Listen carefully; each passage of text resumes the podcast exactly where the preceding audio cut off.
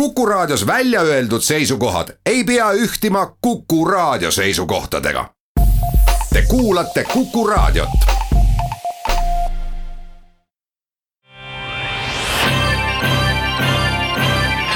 saade saate esimese tunni pühendada heale külalisele, me oleme jätkamas oma sellist head tava, kutsumaks siis parlamendierakondade esimehi stuudiosse. täna on väga hea meel tervitada Eesti Konservatiivse Rahvaerakonna esimeest Mart Helmet stuudios, tervist. tere, tere. Me oleme nüüd mõnda aega juba olnud, võib öelda, et valimiskampaanias ja rallis sees, ega tähtajad hakkavad lähenema. siin-seal on erakonnad välja toonud oma piirkondade esinumbreid, peaasjalikult on Reformierakond juba varakult kaardid välja käinud. Eesti Konservatiivse Rahvaerakonna puhul me ja valijad veel ei tea, kes, kus täpsemalt kandideerib, milline on teie seisukoht väga paljudes asjades. Te olete lubanud, et te programmi toote nii-öelda paketthaaval välja, kaitsepoliitikast oli pisut rohkem juttu ja väga värvikast ja samas kindlasti väga asjatundlikust kaitseministri kandidaadist. aga kus on teie kandidaadid, kus on teie muu programm, miks me sellest nõnda vähe kuuleme?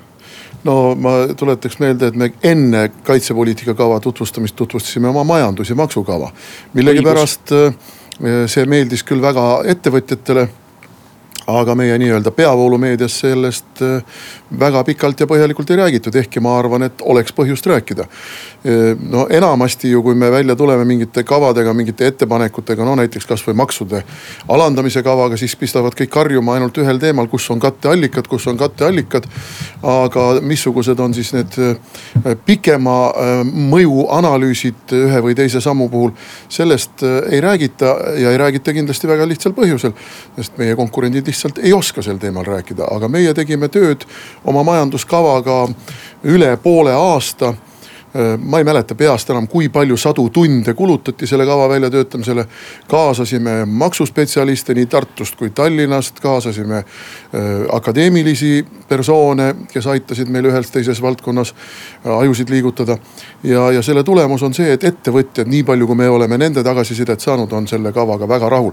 nii et Kuku raadiole üleskutse, kutsuge kasvõi meie majandustoimkonna liikmed siia mõnda saatesse, et nad seda kava tutvustaksid ja miks mitte mitte. Äh, võib ju olla sarnane saade nagu täna, kus on pärast võimalik sisse helistada ja debateerida. et, et see, aga mis puutub nüüd meie nimedesse, siis me oleme selline erakond, kus äh, nimekirjad pannakse paika hääletusega, sisevalimistega ja see valimiste kord on natukene keeruline ja spetsiifiline, ma ei hakka sellel pikemalt peatuma. aga viieteistkümnendal on meil juhatuse koosolek, kus kõik seni toimunud koosolekud ja viimane koosolek on meil sel nädalavahetusel Ida-Tallinnas. Äh, nende koosolekute tulemused siis äh, juhatuse poolt vaadatakse üle, kinnitatakse, meil põhikirja kohaselt on võimalik ka ühe koha ulatuses juhatusel teha ümbertõstmisi. kui me leiame, et on otstarbekam valimistulemus, parema valimistulemuse saamiseks võib-olla mõni inimene ettepoole või tahapoole nihutada ja, ja äh, me käime pärast seda oma numbrid välja. osa numbreid on teada. mina kandideerin esinumbrina Pärnus. Martin Helme kandideerib esinumbrina äh, nii-öelda Lääne-Tallinna ringkonnas. Äh, Lääne valimisringkonnas on esinumbriks minu abikaasa Helle-Moonika. vot see tuleb aga... meelde, et seal olid nimed ja seal oli mingi Saaremaa skandaal. seal ei olnud mingit skandaali. see oli selline kunstlik, kuidas ma ütlen, kuna noh, kuna teema läks, siis meil mm -hmm. on äh, esimesed kolm numbrit valitakse kõik ükshaaval. kui ühe koha peale, esinumbri koha peal on ainult üks kandidaat, nagu seal oli, siis äh, ükskõik kui palju ta hääli saab, kui ta mm, -hmm. kui tal ei ole rohkem vastuhääli, siis ta valitakse esinumbriks. kui teiseks numbriks kandideerib üks inimene, siis ükskõik kui palju ta hääli saab, eeldusel, et vastuhääli ei ole rohkem, saab ta teiseks numbriks. nüüd nii näiteks Harjumaal, aga veel mõnes teises ringkonnas samuti, esinumbrid valimistel said vähem hääli toetushääli kui näiteks teised või kolmandad numbrid. sellest hoolimata, kuna vastaskandidaate ei olnud, siis nad kvalifitseerusid esinumbri kohale. nii et mingit skandaali ei olnud, ajakirjandus tegi siin lihtsalt oma meelevaldseid järeldusi, süvenemata meie valimiskorda. aga see on teil tõesti keeruline, mööngem. ja see on keeruline, aga, aga niisugune ta meil on mm. -hmm. ja, ja selles mõttes siin ei ole mingeid skandaale, see on noh nagu otsitud ja võime öelda ka näiteks Lõuna äh, valimisringkonnas on Uno Kaskpeit meie riigikogu fraktsiooni liige ja nii edasi ja nii edasi. meil tegelikult on praktiliselt nimekirjad paigas, aga me ei käi välja enne lõplikult lukku löödud nimekirja tervikuna, kui, kui juhatus on selle siis. no eks ma rihin ikka uute nimede peale ka, siin on räägitud Igor Gräzinist, kes siis ütleb, et ei kommentaari, kas te kommentaarite? ma kommentaarin jah, olen kommentaarinud ka, et Igor Gräzin nendel valimistel meie nimekirjades kusagil ei kandideeri. Te kuulate saadet seitseteist minutit on kell üle kahe, et natukene ennast nüüd rehabiliteerida ja natukene võib-olla ka siis peavoolumeediat ütleme ära, et EKRE majandusprogramm on täiesti nende kodulehel loetav. mõned punktid, käibemaksu alandamine viieteistkümnele protsendile, andmaks majandusele olulist kasvutõuget, kütuse, alkoholi ja aktsiiside alandamine tasemele, mis toob nende tarbimise ja maksutulud tagasi Lätist Eestisse. Neid punkte on siin hästi palju, muuhulgas ka Rail Balticu praegu planeeritud trassi lõpetamine, abikaasade ühise tuludeklaratsiooni taastamine ja nii edasi korra tulles kaitsepoliitika juurde tagasi, kus te olete võtnud eesmärgiks oluliselt suurendada ka Eesti kaitsekulutusi, kulutusena siis SKP-st. see viimane õppus, mis tegelikult vist ebaõnnestus, arve me ei tea, aga mille kohta öeldi, no see välkõppus oli see nüüd Okas jah. mille kohta öeldi, et kõik on suurepärane ja kiitus meestele, kes kohale tulid. olukord, kus tuleb Igor Ahmedov Londonist ja Tarmo Keilast ei tule. kas see on midagi sellist, et me peaksime kohe päris algusest pihta hakkama meie riigikaitset nii-öelda lappima ja, ja, ja selle tahte nii-öelda pahteldamisega? Ei no kõike ei ole tarvis kindlasti algusest alustada, noh mina mäletan, ma olin ka siis ajakirjanik tegelikult veel üheksakümnendate aastate algul ja. ja Ants Laaneots oli siis värskelt äh, kaitsejõudude juhataja. Mm, kui me võrdleme ikkagi praegust aega ja seda aega, mis siis oli, mis kaos ja, ja kui keeruline ja kui suur segadus oli, et mis asi on Kaitseliit, kas ta kuulub kaitsejõudude koosseisu. mis asjad kaitsejõud üldse on, kuidas nad relvastatud on, Vene väed olid alles Eestis ja nii edasi ja nii edasi.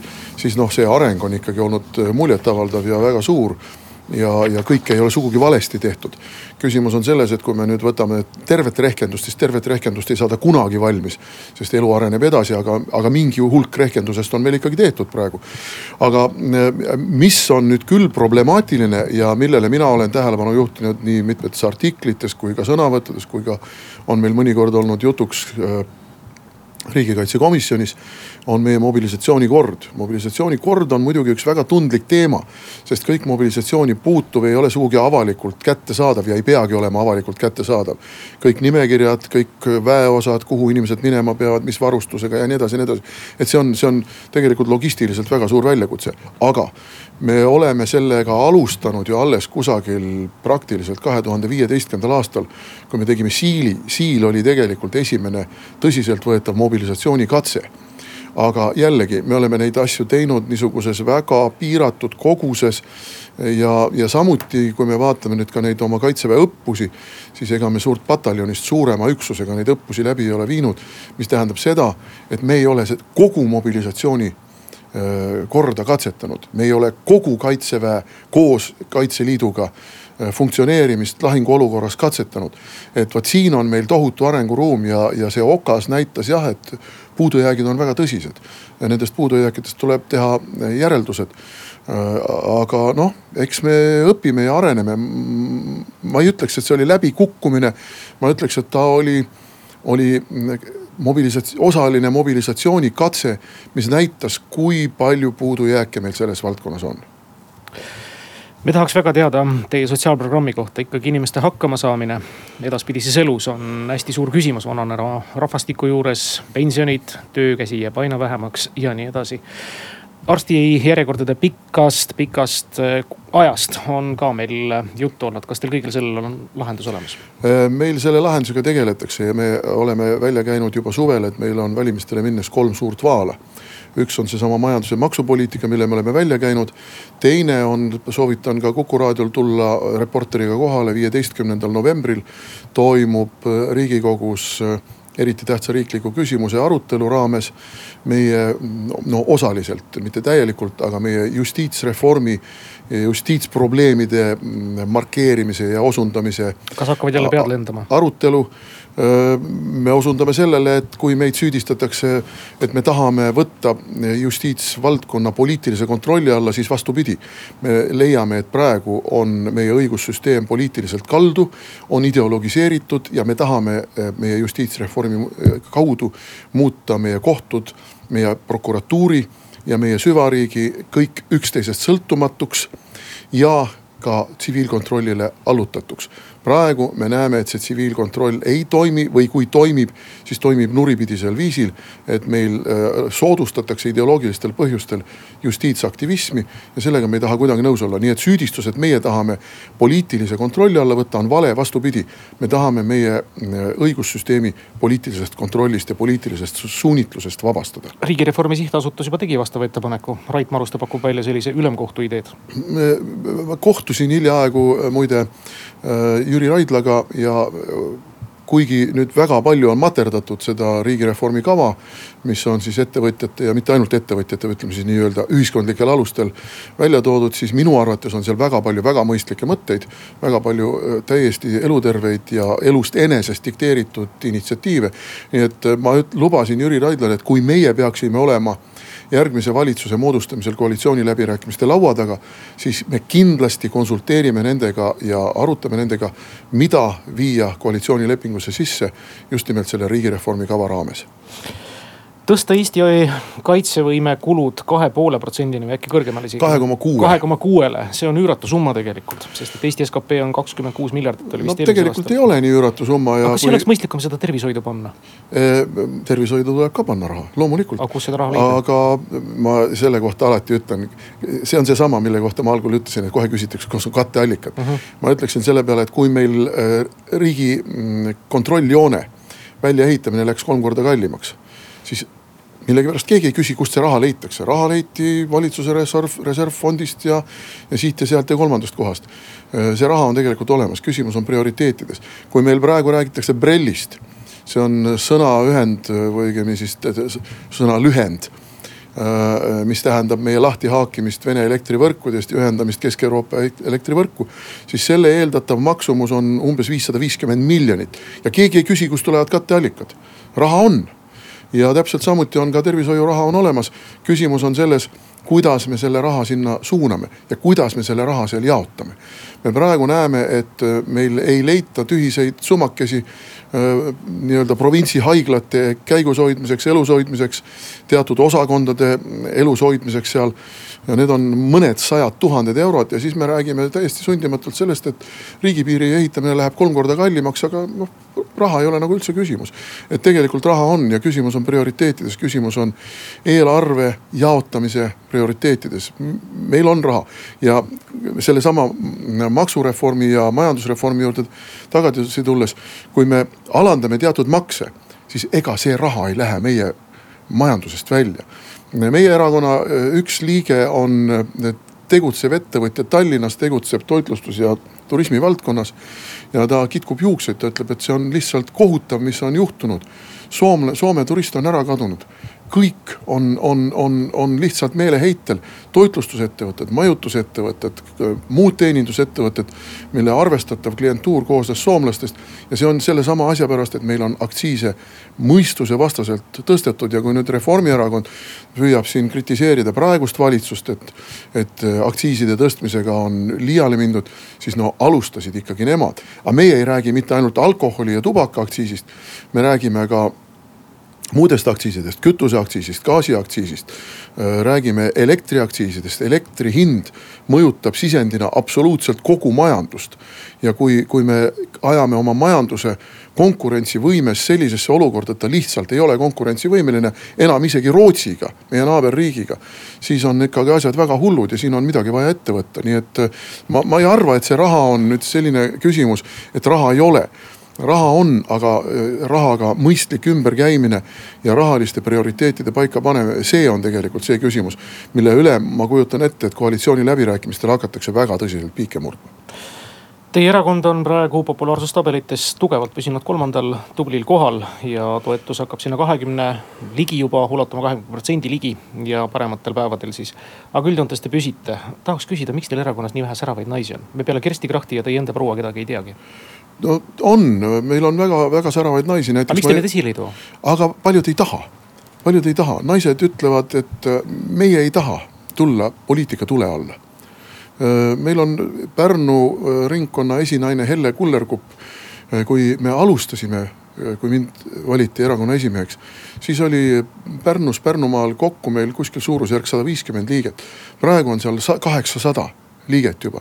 see on kõik Helle Kullerkupu tohutu töö, no loomulikult on ka teised kaasa aidanud, kaasa arvatud mina, aga aga kujutage nüüd ise ette, et viie aastaga sisuliselt on jõutud olematust organisatsioonist elujõulise organisatsioonini. aga Helle, kui ma ütlen Hellele, et ma tahan, et sa kandideerid ja kandideerid niimoodi, et, et sa oled meil järgmises riigikogu fraktsioonis, siis Helle ütleb, aga mina ei taha ja neid on teisigi, kes ütlevad, et aga ma ei taha, ma tahan tagaplaanil olla. ma tahan teha erakonna tööd, aga ma ei taha olla tule all. sellest on kahju ja ma usun, et teil endal ka saade. kolmkümmend neli minutit on kell üle kahe, reedene päev, üheksas november ja Kuku raadio eetris on sel ajal tavaliselt meil Vox Populi erisaade, kus külaline vastab kuulajate küsimustele. täna on külaliseks Mart Helme, Eesti Konservatiivse Rahvaerakonna esimees. Eesti Konservatiivne Erakond, Eesti, jah, jube Eesti... pikk nimi, te peate midagi sellega ette võtma. Eesti Konservatiivne Rahvaerakond. ikka ütlesin õigesti. sageli öeldakse Eestimaa, aga ei ole Eestimaa, on lihtsalt Eesti. aga võiks ka Eestimaa olla, kõlab ilusamini. ei noh pi piisavalt pikk niisamagi. jah, aga palub saatejuht väga, et piirduge küsimustega, eks eh, kiidusoovid ja, ja laidusoovid, neid te saate avaldada muulgi moel. täna piirdume küsimustega, esimene helistaja on liinil, tervist.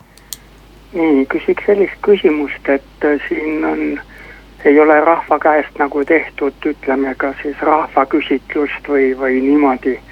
et kas näiteks EKRE-l oleks äh, mõtteid, ideid äh, millist rahvaküsitlust või millist, millise olukorra lahendamisele oleks vaja nagu rahva mandaati enda, enda nagu ideele taha, et, et teha nagu rahvaküsitlus, et võib-olla kõige lähem siis oleks näiteks siis kas siis ma ei tea, Europarlamendi valimistega teha mingi rahvaküsitlus näiteks jah, me, meie programmis muide on sees rahvaalgatuse mm, initsiatiiv.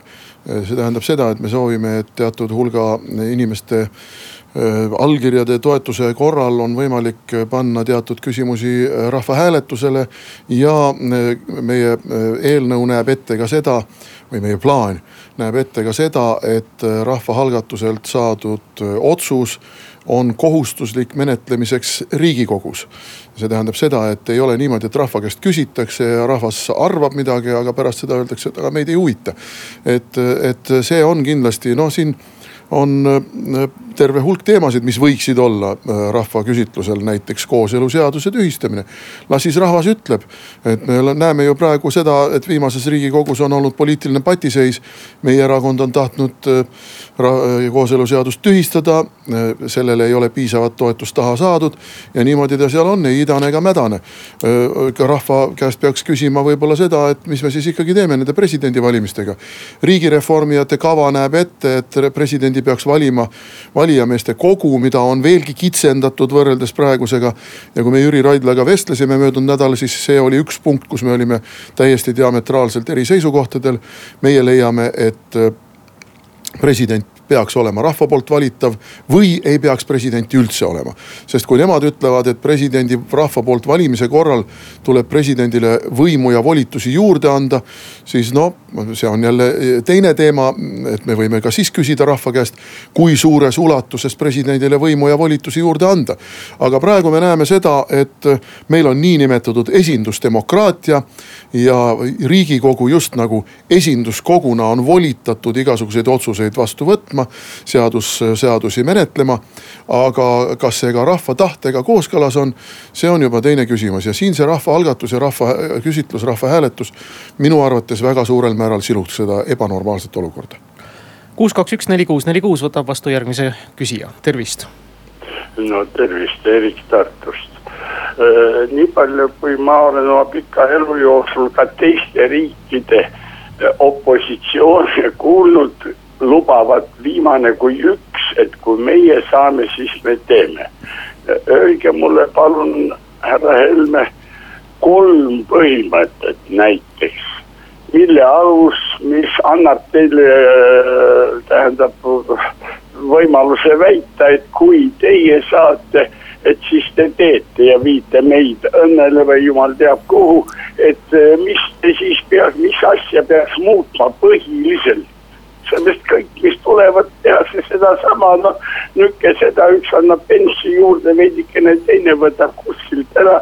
ja mis puutub nüüd riigi kaitsevõimesse, siis seda võib kümme korda suurendada, aga idast tuleva ohu vastu me ei saaks ka siis, kui sellest üldse rääkida, aitäh ja aitäh küsimuse eest, ma alustan sellest lõpust, et kui me ka kümme korda suurendame kaitsekulusid, siis me ei saa idast tuleva ohu vastu ma ei vaidle sellele vastu, jõutasakaal on niisugune, et kui Eesti ja Venemaa hakkavad kahekesi omavahel arveid klaarima, siis on ainult aja küsimus.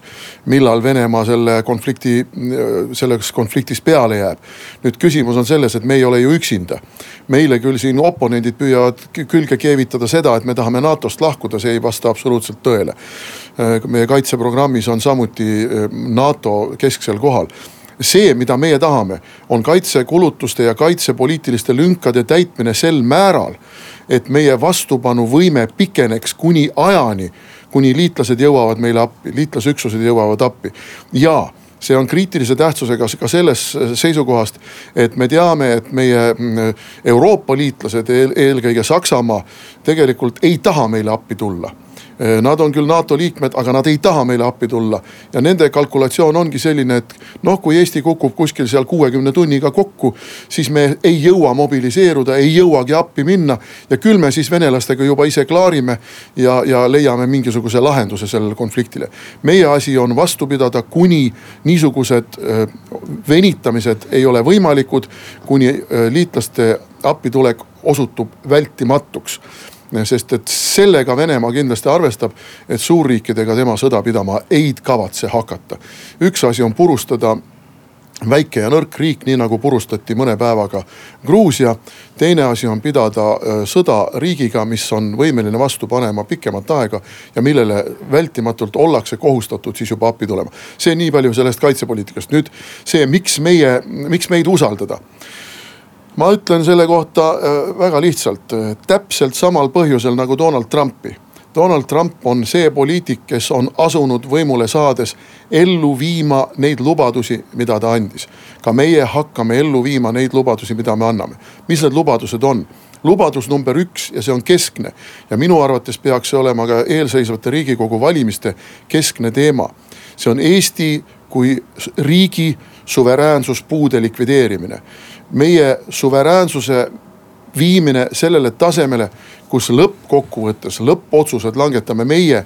mitte, et me tilgume mingisuguse Euroopa Liidu direktiivse käsumajanduse ja direktiivide äh, nisa otsas. see olukord tuleb likvideerida, siin on meie eeskujuks väga selgelt Võšegradi riigid eesotsas Poola ja Ungariga.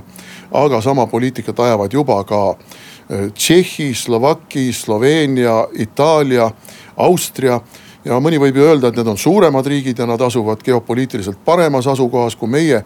aga kui meie ei otsusta oma suveräänsuspuuet likvideerida, siis me jääme igavesti vaeseks arengumaaks, mis kõigele lisaks on endeemilise korruptsiooniga kaetud. et see on esimene küsimus, nüüd teine küsimus on see kuidas me seda kõike teeme? ilma majanduses muudatusi tegemata, rikkuse kasvatamiseta me seda ei tee ja sellele on sihitud meie äh, majandusprogramm, maksuprogramm, millest natukene oli siin ka eespool juttu. ja kolmas, Eesti ei saa muutuda suveräänseks riigiks, kui me jätkame oma õigussüsteemis sellist kallutatud ideoloogia elluviimist, nagu me praegu seda näeme. selle niinimetatud liberaalse demokraatia, ma absoluutselt ei ole nõus muide sellega mida tänases Postimehes kirjutab Mart Raudsaar, et äh, Eesti rahvas andis äh, referendumil äh, põhiseaduse üle hääletades õiguse liberaalse demokraatia viljelemiseks, ei andnud. Eesti Vabariigi põhiseaduses ei ole kusagil räägitud liberaalsest demokraatiast. seal on öeldud, et Eesti on suveräänne demokraatlik õigusriik, need on täiesti erinevad mõisted. liberaalne demokraatia piiritleb ja määratleb demokraatiat hoopis kitsamalt, hoopis ideoloogiliselt suunitletumalt kui suveräänne demokraatlik õigusriik. ja see, mida meie tahame, on Eesti põhiseaduse elluviimine. me oleme Eesti põhiseaduse kaitse ja ellurakendamise erakond suveräänse demokraatliku õigusriigi elluviimine. ja vot siit kasvabki välja see, et me ei jaga tühje lubadusi, me hakkame neid ellu viima. Äh, miks ma seda nii kindlalt luban? sellepärast, et ma ei oleks poliitikas, kui ma ei näeks, et seda on vaja teha. ma oleks hea meelega maamees ja teeksin öö, oma maakodus niisuguseid mõnusaid maamehe töid. Te kuulate saadet nelikümmend kuus ja pool minutit on kell üle kahe, stuudios on Mart Helme, Eesti Konservatiivse Rahvaerakonna esimees ja ootab kuulajate küsimusi telefonil kuus, kaks, üks, neli, kuus, neli, kuus. meil on üks küsija liinil, tervist. tervist. Vikerraadio saates varem sel aastal oli ajanappus, te jõudsite öelda Eesti-Vene piirilepingu ja Eesti Vabariigi järjepidevuse seosest, et leping kahjustab või isegi katkestab järjepidevuse palun täpsustage seda Eesti Vabariigi kestmise suhtes olulist probleemi, aitäh.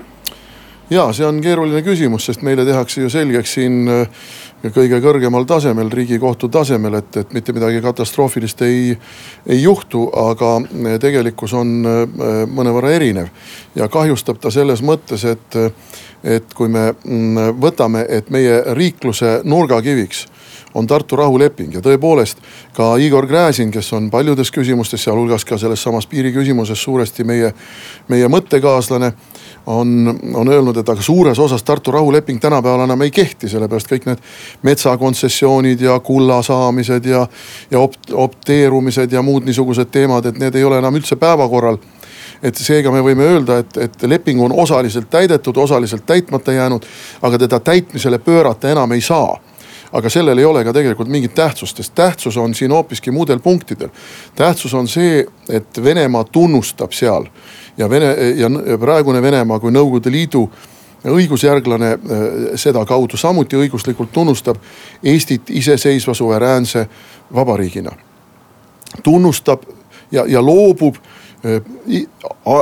aegade lõpuni või kuidas see seal täpselt sõnastatud on, võib-olla ma ei tsiteeri õigesti. igasugustest pretensioonidest Eesti maa-alale. no me teame, et Nõukogude Liit rikkus seda lepingut kolmekümne üheksandal, neljakümnendal aastal nende sündmuste ajal ja ka neljakümne neljandal aastal võime öelda, sellepärast et Otto Tiefi valitsus oli selgelt õigusjärgluse põhise, põhiselt Eesti Vabariigi legitiimne valitsus ja, ja äh, jätkati seda legitiimsust ka emigratsioonis.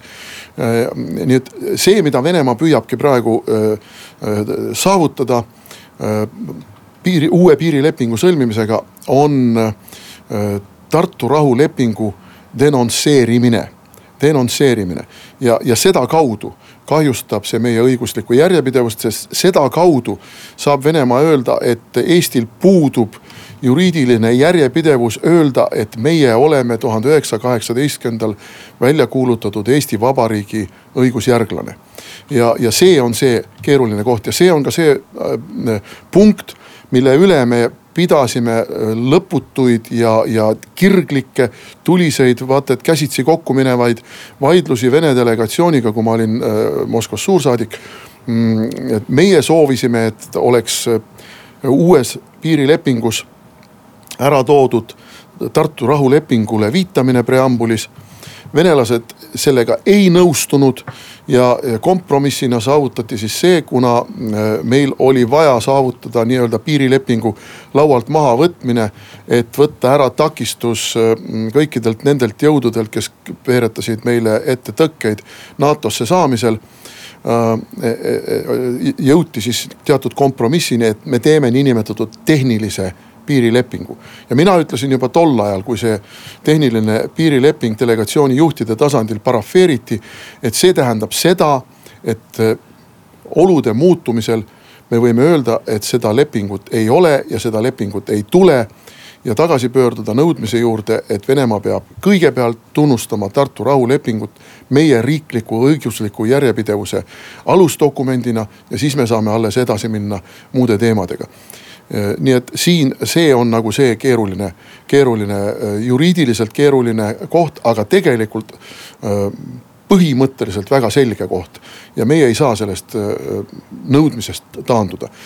me näeme ju praegu, kuidas teatud poliitilised jõud ja teatud poliitikud püüavad meil vaatamata ka sellele, et me ikka räägime ju mm, Tartu rahulepingust ja Eesti riigi õiguslikust järjepidevusest, sisuliselt sisse viia nii-öelda kolmandat vabariiki. see, mis oli laua peal ka kaheksakümnendate lõpul, üheksakümnendate algul.